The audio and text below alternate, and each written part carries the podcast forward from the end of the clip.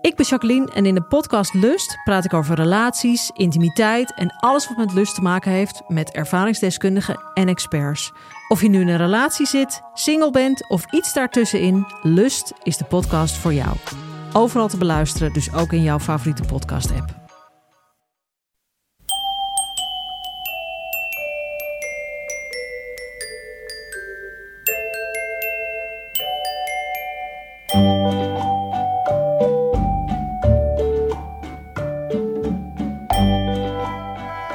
Welkom bij aflevering 247 van Echt Gebeurd, de podcast waarin waargebeurde verhalen worden verteld door de mensen die ze zelf hebben meegemaakt. In deze aflevering een verhaal dat Lennart Hofman in mei 2016 bij ons vertelde tijdens een verhalenmiddag rond het thema fiasco.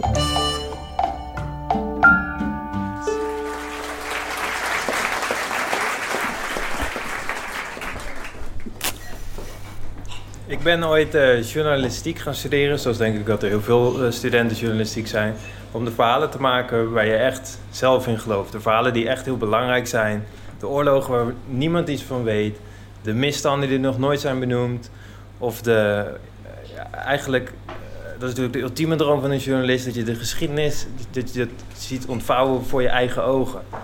Mijn leraren zeiden altijd: je kunt beter eerst proberen te beginnen uh, met een goede stage bij misschien een internetredactie, een redactie van een, een goede krant of misschien een column zien te krijgen bij de Margriet. Uh, dat wilde ik nooit. Dus toen ik klaar was met mijn studie, dat was eind 2012, kocht ik een ticket naar Turkije. En vanaf daar liet ik me de grens oversmokkelen naar Syrië. In Syrië was op dat moment een oorlog aan de gang. We zagen de beelden op televisie dat er vatenbommen vielen. We zagen dat er heel veel mensen stierven, dat er heel veel mensen op de vlucht waren geslagen. Dus ik wilde eigenlijk uh, kijken of het mogelijk was uh, om, om, om, de verhalen van die mensen naar buiten te brengen. En eigenlijk ook om te kijken of ik het kon. Dus ik liet mezelf die grens oversmokkelen. Ik, ik, ik praatte met die mensen en ik werd eigenlijk steeds meer overtuigd dat dit echt de journalistiek was die ik wilde doen. Dus ik ging weer het land uit, ik ging weer een keer terug. En uh, op een gegeven moment was het januari 2013. De opstand was toen echt al vrij groot geworden. Er waren overal jihadistische groepen die hadden, uh, die hadden grote gebieden ingenomen. Die hadden ook al westerlingen gegijzeld. En ik kwam ze ook tegen in het dorp waar ik woonde. Ik woonde in Atma bij een, familie, die hielp mij. Want ik wist eigenlijk niet heel goed wat journalistiek precies inhield. Ik had eigenlijk nog nooit een stuk verkocht. Ik had eigenlijk ook nog nooit echt contacten gehad met redacteuren die mijn stukken wilden kopen. Ik had ook geen geld. Maar op een dag kwam het bericht binnen dat het vliegveld van Taftanas was bevrijd. Taftanas is een klein plaatsje. En er was een enorme massamoord gepleegd door het regime. Amnesty had erover geschreven en die had gezegd... dit is een van de grootste misstanden eigenlijk van de, van de hele oorlog. Maar niemand is ooit hier naartoe kunnen gaan. En dat vliegveld was een van de twee vliegvelden... waar de helikopters opstegen om naar Aleppo te gaan... waar de vatenbommen op de bevolking werd gegooid die ik eigenlijk iedere dag tegenkwam als ik naar die vluchtelingenkampen ging om met die mensen te praten. Een vatenbom is eigenlijk een, een lege olietank vol ijzer. Die gooi je uit een vliegtuig met dynamiet erbij of TNT en dat ontploft en dat scheurt allemaal lichaamsdelen eraf. Dus toen dat vliegveld was ingenomen dacht ik daar wil ik heen. Dit is waarom ik oorlogsjournalist geworden. Dus dit is waarom ik heb gekozen om deze risico's te nemen. Dus we samen met een paar andere jihadis, goede jihadis die, die min of meer aan onze kant stonden uh, stapten we in een auto, namen bergen wapens mee. En zo reden we eigenlijk door een uh, vrij apocalyptisch landschap. Overal stonden uitgebrande tanks in de, in de bosjes. Overal in de olijfboomgaarden stonden mannen. Die stonden die gretten door midden te schieten van een afstand. Over ons heen vlogen, vlieg, vlogen vliegtuigen die, die echt bommen gooiden op de steden waar wij naar onderweg waren. Het was allemaal vrij intens, maar we wisten constant, dit is echt wat we willen. Dus we moeten hier even doorheen bijten. Om te kijken of we verhalen kunnen maken waarvoor we echt journalist zijn geworden. Ik was op dat moment met, samen met een Zweedse journalist en een Amerikaanse journalist. Die ook net begonnen. Toen kwamen we aan in een plaatsje. Marat Mousserine heette dat. Uh, nou, daar wouden we dan onze eerste verhalen gaan doen. Want er was een, uh, een vliegtuig, die had een huis gebombardeerd. En iedereen in het huis is dood gegaan. Dus daar gingen we heen en inderdaad, iedereen was dood gegaan. Dus er was ook eigenlijk niemand. De wasmachine draaide nog. Daar zag ik die kinderen, de klerentjes van de kinderen nog in zitten. Ik zag dat de koelkast open was geslagen met het eten wat half opgegeten nog in die koelkast stond. Je zag de tafel die nog, waarvan je echt kon zien dat die vlak daarvoor was gebruikt. Maar er waren geen mensen. Dus we probeerden het min of meer te beschrijven, maar we konden er niet heel veel mee. Maar dat maakte wel vrij grote indruk. En constant waren er vliegtuigen die over ons heen vlogen en alles bombardeerden. Dus we waren vrij. We voelden een beetje, echt een beetje het gevoel van een brok in je keel, maar dan, maar dan van angst. Maar we wilden echt oorlogsjournalisten zijn. Dus we kwamen op een gegeven moment op een punt dat we uh, moesten vragen van ja, kunnen we nou door naar Taftanas, het plaatsje waar dat grote nieuws zich heeft afgespeeld. Dat kon, maar dan moesten we steeds heel hard rijden en dan moesten we remmen en dan heel hard rijden, maar dan dat steeds heel, op een eigenlijk heel onverwacht ritme. Omdat de weg waar we overheen zouden rijden, die was precies in het zicht van een sniper en een sluipschutter en die steeds op onze auto schieten. Dus we reden en dan remden we en zo vlogen zeg maar alle kogels om ons heen. Want als je auto zeg maar zo rijdt, dan moet je er iets voor mikken, zodat je in je auto, zeg maar, met je auto in de kogel rijdt.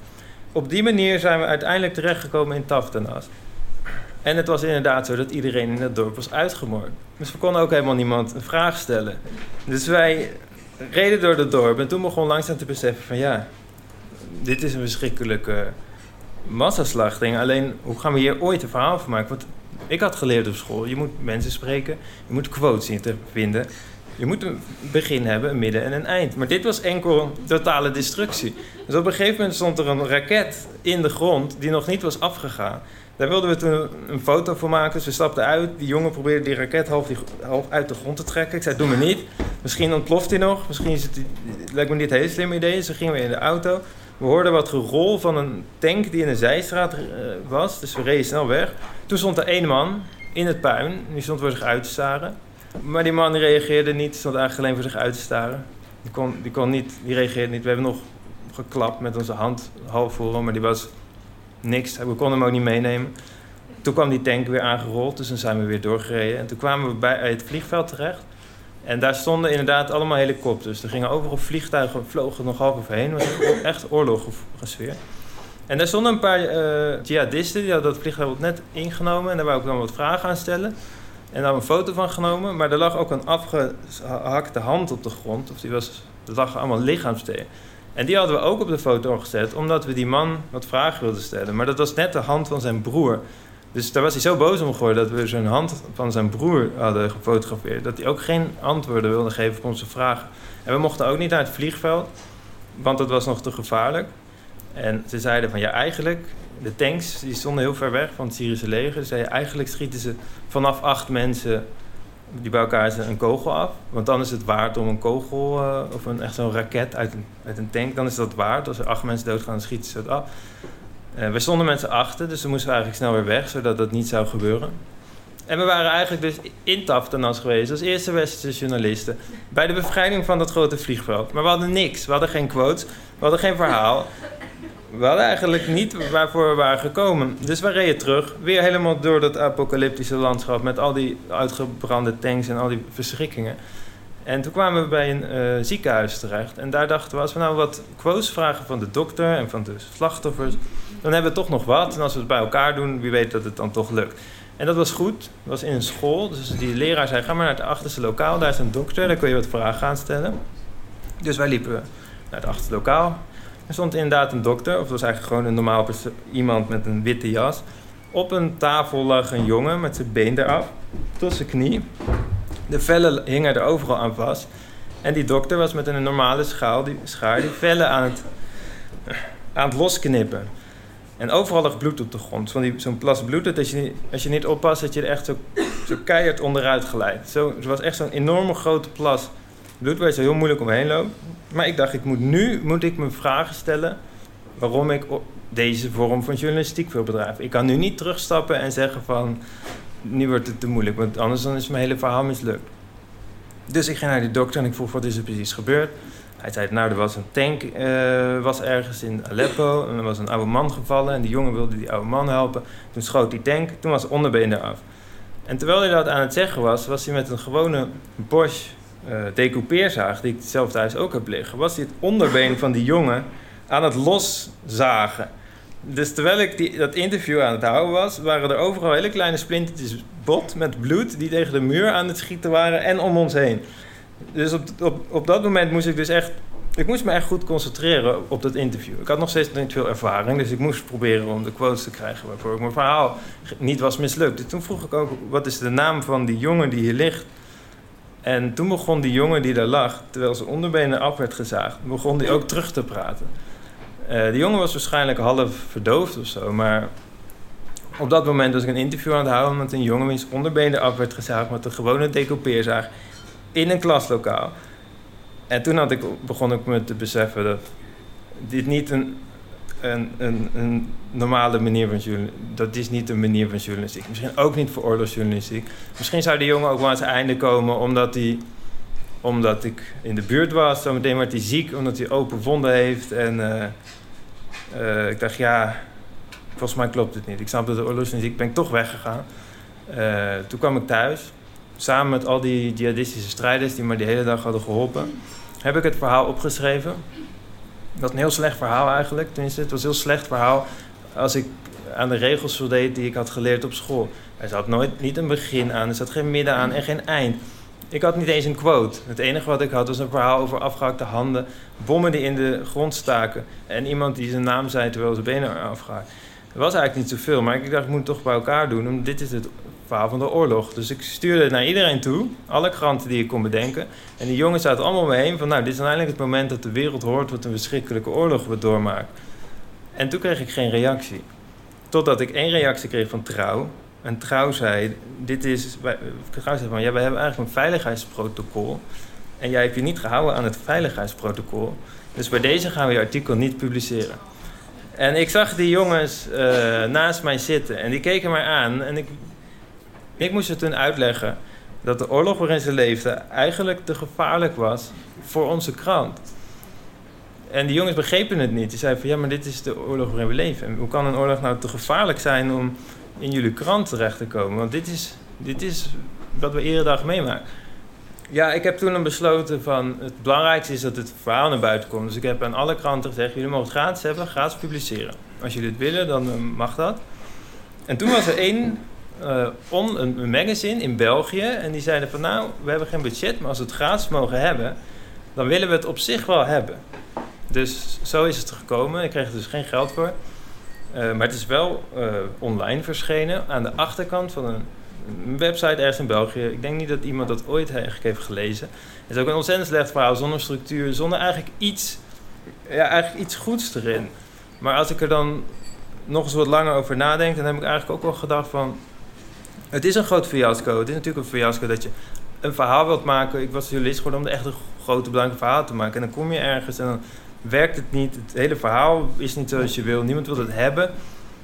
Maar uiteindelijk is dat wel, uh, denk ik, toch ook wat oorlog eigenlijk wel is. Oorlog is niet iets wat je heel makkelijk in een verhaaltje kan gieten zoals wij dat aangeleerd hebben gekregen op school. Het is niet iets waar een begin zit met een mooie quote van iemand die iets heel mooi zegt. En waar dan een hele mooie eindzin uit zit, waar, je dan over denkt van nou, het is toch allemaal verschrikkelijk oorlog. Oorlog is eigenlijk precies dat verschrikkelijk slechte artikel wat op die Belgische site staat, heel achteraf, wat nooit iemand leest hoogwaarschijnlijk. Dus oorlog is iets waar, dat zijn mensen die in het puin staan en voor zich uitstaren en niet meer reageren als je naast ze staat en ze probeert af te leiden voor één quote. Je krijgt die quote niet, want die mensen zijn getraumatiseerd. Oorlog is ook een, een stad die volledig vernietigd is, waar niemand meer leeft, waar iedereen dood is. Oorlog is, gewoon, is eigenlijk simpelweg het is een fiasco in itself. Dus ondanks dat het eigenlijk totaal is mislukt, heb ik het idee dat ik er toch nog wel ergens iets van heb meegekregen.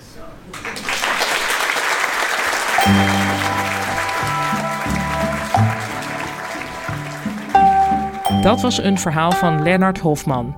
Lennart werkt tegenwoordig voor De Correspondent en schrijft daar over oorlog. In het bijzonder over verborgen oorlogen. Echt gebeurd is een verhalenmiddag die normaal gesproken één keer per maand plaatsvindt in Toemler in Amsterdam, maar momenteel natuurlijk niet vanwege de coronacrisis. We blijven wel wekelijks mooie verhalen uit ons archief uitbrengen in deze podcast. De redactie bestaat uit Miga Wertheim, Rosa van Toledo, Maarten Westerveen, Sanne Pols en mijzelf, Panien Cornelissen. De productie doet Eva Zwaving. De zaaltechniek voor deze aflevering was in handen van Nicolas Vrijman. De podcast wordt gemaakt door Gijsbert van der Wal. Dit was aflevering 207 247 tot de volgende week en bedenk, de wereld is groot en onbegrijpelijk, maar voor de meeste van ons zal deze tijd gelden dat we het avontuur thuis moeten opzoeken. Dus bel je moeder, je opa of je tante en vertel een mooi verhaal.